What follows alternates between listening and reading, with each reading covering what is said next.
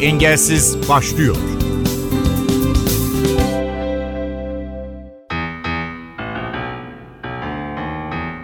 Merhaba ben Ayhan Aktaş. Bu hafta golbolü konuşacağız. Görme engelli sporcuların en popüler branşlarından olan golbolde Türkiye zirvede. Kadın milli takımımız 2021-2023 yılları arasında Paralimpik Oyunlar Şampiyonluğu, Dünya Şampiyonluğu ve Avrupa Şampiyonluğunu kazanarak bu üçlemeyi iki yıl içine gerçekleştirmiş tek takım ve tek ülkeyiz. Kadın milli takım sporcularından Berfin Altan, sportif ve yaşam hikayesiyle milli takımlar teknik direktörü Gültekin Karasu da değerlendirmeleriyle engelsizde olacak. Berfin Altan, hoş geldiniz NTV Radyo'da Engelsiz'e. Hoş buldum. Beni bu yayına davet ettiğiniz için teşekkür ederim. Kadın milli takım oyuncumuzsunuz. Kendinizi biraz daha tanıtır mısınız bizlere? 20 yaşındayım. Denizli'de yaşıyorum. Üniversite hayatım burada. 8 yıldır golbol branşı ile ilgileniyorum. Son 3 yıldır da milli takımda yer alıyorum. Ben eğitimim için Görme Engelliler Okulu'na gitmem gerekiyordu 6. sınıfta. Aslında kendimin görme engelli olduğunu kabul edemiyordum. Bunu kabullenemiyordum. Nereye gidersem gideyim ailemin yanında olmasını istiyordum tabii ki ben sadece kendimi biliyordum görme engelli. Benden daha az görenleri hiç görmemiştim hayatımda. Orada da görünce tabii ki korkmuştum. Orada olmak istemiyordum, orada okumak istemiyordum. Gittiğimde işte İstiklal Marşı'nı okurken böyle gözlerim dolu, ağlıyorum. Ailem yanımda, eğitimimi devam ettirmem gerekiyor. Görmem zorlaşıyor. İstiklal Marşı'nda beden eğitimi öğretmenim de neden ağlıyorsun? Seni güzel bir branşla tanıştıracağım. Seninle farklı şehirlere gideceğiz, farklı dereceler alacağız. Ama o an farkında değildim. Anlayamıyordum tabii ki. Yavaş yavaş alıştım. İşte beden eğitimi derslerinde golbol topunu veriyorlar elime. Bak böyle bir spor var alışacaksın. Sen de yapabileceksin gibi gibi. Ortaokulun sonlarına doğru okul turnuvaları, antrenmanlara gidip geliyorum. Ama tabii ki de o zaman buralara gelebileceğimi düşünemiyorum. Bu şekilde başladım. Sonra Türkiye liglerinde devam ettim. Rahatsızlığım tavuk arası. Geceleri yüzde sıfıra düşüyor. Karanlık bir ortama girdiğimde bayağı düşüyor. Gün ışığında iyi görüyorum. Rapor olarak da yüzde 58 bir görmem var. Antrenmanlarımızda turnuvalardaki gibi karşılıklı 6 kişiyiz. Maçlar yapıyoruz. O maç içerisinde bile kendimizi hani birbirimize diyoruz ki final maçı bizim aramızda bile olur yani. iki takıma ayrılsak finali biz oynarız. Herkesin iyi olduğunu birbirine söylüyor. Üç kişi sahaya çıkıp oynayacak. Üç kişi kulübede bekleyecek ama o üç kişi de sürekli sahada oynayacakmış gibi antrenmanlarda hazırlanıyor. Isınma salonunda kimin sahaya çıkıp oynayacağı mesela söyleniyor ama ısınmadaki kişiler de maça sürekli çıkıp oynayacakmış gibi ısınıp geliyor. Herkesin kendine bir özgüveni var çünkü kimse antrenman bırakmıyor. 9 ay içerisinde 6 kişi de sürekli sahaya çıkıp oynamayacağını bilmesine rağmen sürekli çıkıp oynayacakmış gibi hazırlanıyor süreçte. Her ayın 3 haftası kamp, bir haftası ailemizin yanında geçiyor. Yani herkes çok büyük fedakarlık gösteriyor. Sosyal hayatımız neredeyse yok yani. İki antrenman oluyor günde. 6 saatimizi antrenmana ayırıyoruz. Takım arkadaşlarımız ve antrenörlerimizle ailemizden daha çok görüşüyoruz. Okul yaşantısında Berfin Altan nasıl bir karakterdi ve daha sonrası sporla tanışması biraz o arayı anlatabilir misiniz? Şöyle başlayayım. İlkokulda normal okulda okumaya başladım. Tabii o zaman ailem de görme engeller okulunun olup olmadığını bilmiyor. Okulda zorlanıyorum. Kendimi arkadaş ortamıma kabul ettirebilmek için bir şekilde hani derslerimle ön plana çıkmaya çalışıyorum. Evde sürekli benimle ilgileniliyor. Kendimin de şu an mesela düşünüyorum. O zaman farkında da değilmişim yani. Ortaokula geçtim. Daha da zorlaştı benim için. Zorlanıyorum. Arkadaşlarım üzerime geliyor görmediğim için. Orada da bir şekilde derslerimle hani çalışayım, öne çıkmaya çalışayım. Kendimi onlara kabul ettireyim. İyi bir çabalarım vardı. İnanılmaz büyük bir özgüven eksikliğim vardı. Sürekli ailem yanında. Ben bir birey değilim de sanki ailem benim yerime her şeyi yapıyor zordu o dönem. Spora başladım da o zaman bile hala aynıyım. Nereye gidersem gideyim annem benimle geliyor, götürüyor, getiriyor. Bu dönemi ne zaman açtım? 2018'de ben milli takıma davet edildim. Seçme kampları var. Daha o zaman da küçüktüm yani. Böyle farkında değilim nereye geldim, hani ne yapıyorum olimpiyat şampiyonluğu, dünya şampiyonluğu aklımın ucundan geçmez yani. Yavaş yavaş özgüvenimin yerine geldiğini böyle hissettim. Elime derecelerim, başarılarım geçtikçe aileme de bunu hissettirdim ve yani şu an bir bireyim onlar olmadan hatta onlar gelmek istiyor istemiyorum gelmelerini. Bu şekilde açtım yani. Buradan seslenmek istiyorum. Ben böyle bir şey yaşadım. Kendi çocuklarının bulunduğu ortamdaki engelli bireylerin de onlardan bir farkı olmadığını bilmelerini istiyorum. İlk Milli Olacağım turnuva Avrupa Şampiyonası'ydı. O da Türkiye'deydi. Babam gelmişti izlemeye. Yani babamın gelip beni orada izlemesi, 10 Kasım'da Almanya'yı bizim 10-0 yenmemiz ve son golü benim atmam çok gurur verici ve heyecanlıydı. Başarıya giden yolda olmazsa olmazlarınız nelerdir? Berfin Altan nasıl hazırlıyor kendisini bu tip özel turnuvalara? Ben hiçbir zaman bugünüm iyi demiyorum. Bugün bir şey üstüne koyabildiysem yarın işte daha farklı ne yapabilirim? Tek hedefim kendim olduğumu düşünüyorum. Yarın daha iyisini yapmak istiyorum. Çalıştıkça, üstüne koydukça daha çok çalışmak istiyorum.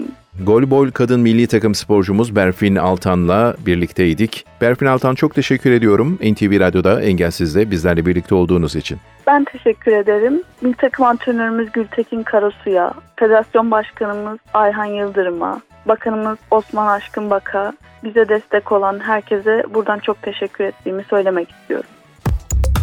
Engelsiz. Ardarda arda gelen şampiyonluklar Türkiye'yi görme engelli kadınlar golbolde dünyanın zirvesine taşıdı. 2016 Paralimpik oyunlar sonrası dağılan milli takım Gültekin Karasu yönetiminde yeni kadrosuyla toplandı ve bugün dünyanın bir numarası. Milli takımlar teknik direktörü Gültekin Karasu, zirve yolculuğunun hikayesini, golbol branşı ile ilgili merak edilenleri NTV radyo dinleyicileri için engelsizde anlattı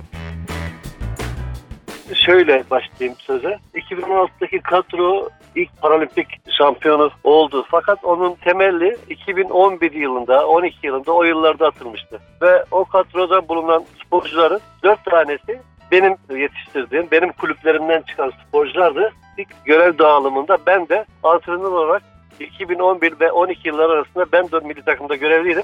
Milli takım işi çok meşakkatli, çok fedakarlık isteyen bir şey. O zaman özel durumlardan dolayı ben diğer arkadaşıma bırakmıştım. Onlar devam etmişlerdi ve 2016'da şampiyonluk gelmişti. 2016'dan gelen şampiyonluktan sonra bizim Türkiye'de birçok şey böyle işliyor maalesef. Başarı olduğu zaman onu hazmetmek de çok önemli, kabullenmek de çok önemli, sahiplenmek de çok önemli.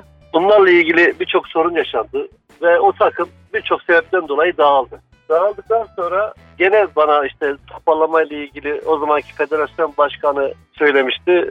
Çünkü gerçekten çok zor ve meşakkatli bir iş bu. Fedakarlık isteyen bir şey. Özel sebeplerden gidememiştim.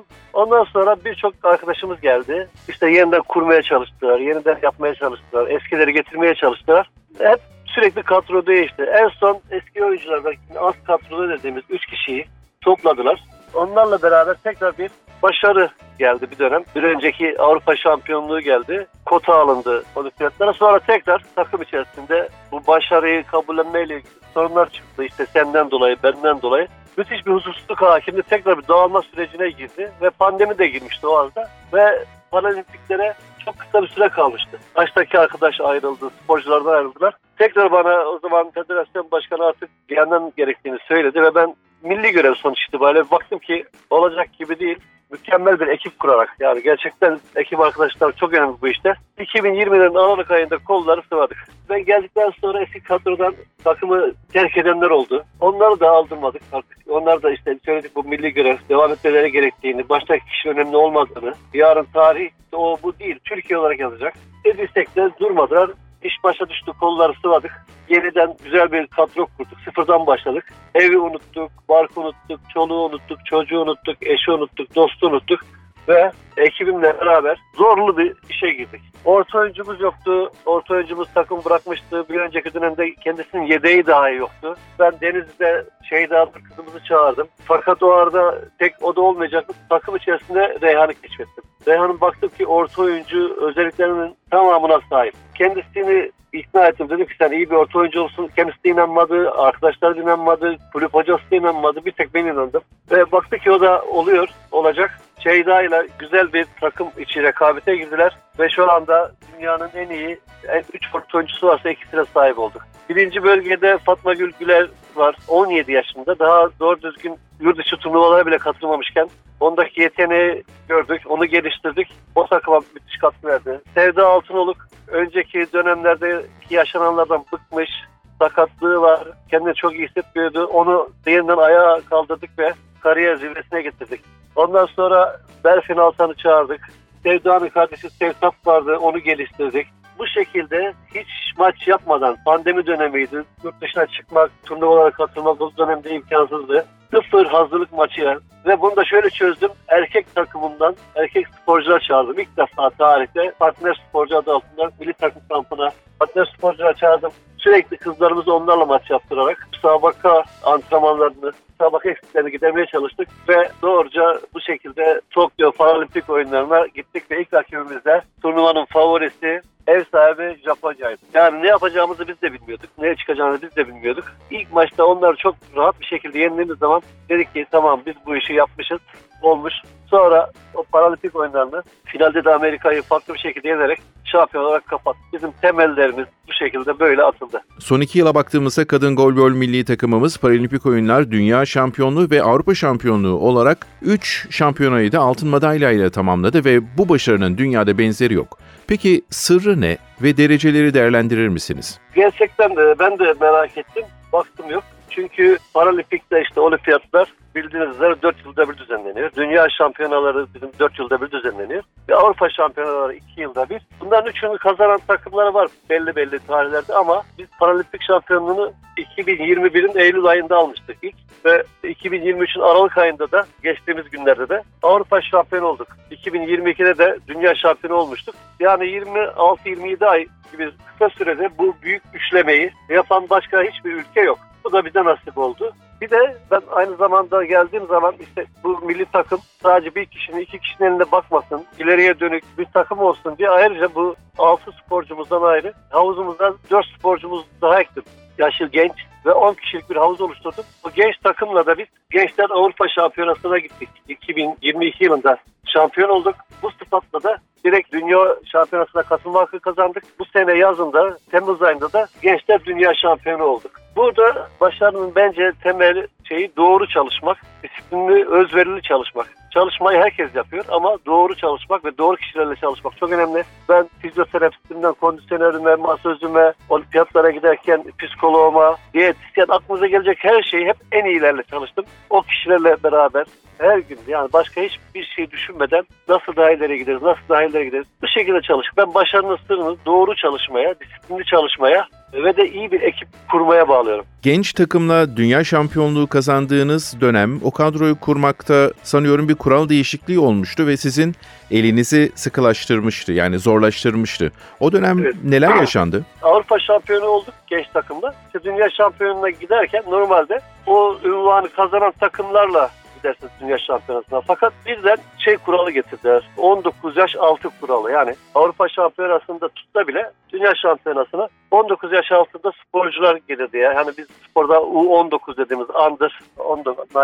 O kural gelince birdenbire ben e, iki sporcumuzun yaşı 19 yaşın üstündeydi. Tutmadı. Geriye 4 sporcu kaldı ve bu 4 sporcu da Kader'in Bilgili ve hepsi, hepsi de Kahramanmaraş'tı. İlk defa burada söylüyorum. Bu konu işte istismar edilmesini istemediğim için, şey yapması istemediğim için hassas bir konu olduğundan dört tane sporcumun hepsi depremzedeydi. Kimisini çadırdan aldım, kimisini konteynerden aldım, kimisini okulda işte kalıyorlardı ailesiyle beraber.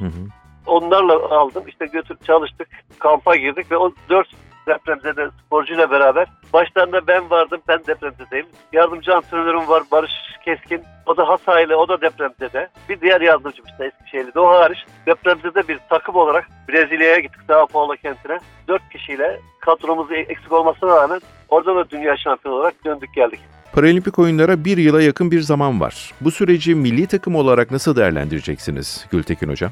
Şöyle e, az önce de söylemiştim 2020 Aralık ayından beri biz sürekli ama sürekli kamplardayız. Hiç ara vermedik. Kampın derken şöyle oluyor. Bir ay düşünelim. Tabii müsabaka yaklaşınca bu belki daha da sıkılaştırıyoruz ama ortalama olarak bu bir ayın en az 3 haftasını biz beraber kampta geçiriyoruz. Geri kalan bir hafta evlerimize gidiyoruz, izin veriyoruz. O bir haftada da evlere gittiği zaman hepsinin programı var. Orada da yani öyle tamamen tatil yapmıyorlar. Orada da o programlarını uygulayarak spor yapıyorlar. Ve biz bu zamana kadar hiç ara vermemiştik. Çünkü bütün şeyler sıkıştı. Turnuvalar peş peşe geldiğinden bir de takımımız çok genç. Sürekli gelişiyor. Bir ara versek geriye gidecekler tekrar toparlaması zor olur. Çünkü belli bir yaşın üzerinde oturmuş bir sporcu fizikleri yok sporcularımızın. Hiç ara vermedik. Şu anda ilk defa Avrupa Şampiyonası bitti. İlk aramızı verdik. Bir ay bir ara vereceğiz. Ocak ayının sonunda tekrar kolları sıvayacağız ve Paris için çalışmalara başlayacağız. Kamplarımız aynı şekilde devam edecek. İkili kamplar başka ülkelerle, ikili üçlü kamplar belirlemiştik. Fakat onları iptal ettik.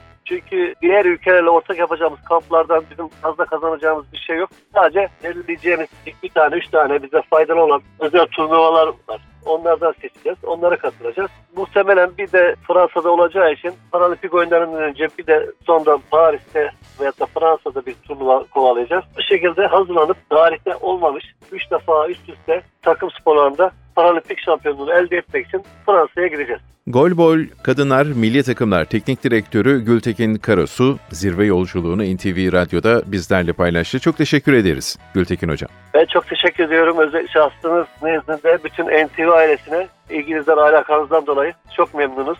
Çok teşekkür ediyorum. İyi yayınlar diliyorum. Engelsiz. Engelsiz'i tamamlıyoruz. Ben Ayhan Aktaş, prodüksiyonda Ersin Şişman. İyi günler, iyi haftalar diliyoruz.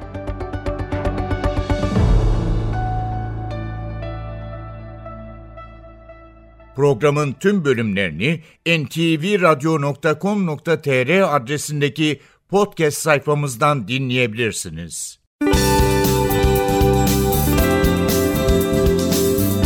Engelsiz sona erdi.